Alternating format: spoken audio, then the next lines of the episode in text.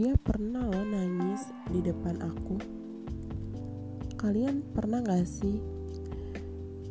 Cowok kalian atau orang yang lagi dekat sama kalian nangis di depan kalian. Itu tuh ngerasa kita sebagai cewek kayak dianggap ngerasa aja gitu dihargainya. Kayak mikir aja wah dia nangis di depan aku berarti dia ngerasa nyaman. Nah dari situ aku makin baper. Gak lama dia jadian sama cewek. Cewek ini emang udah sering banget jadi topik bicara kita berdua. Aku harus sportif dong sebagai sahabat. Aku kasih masukan positif suruh kejar dan bener aja dia dapet.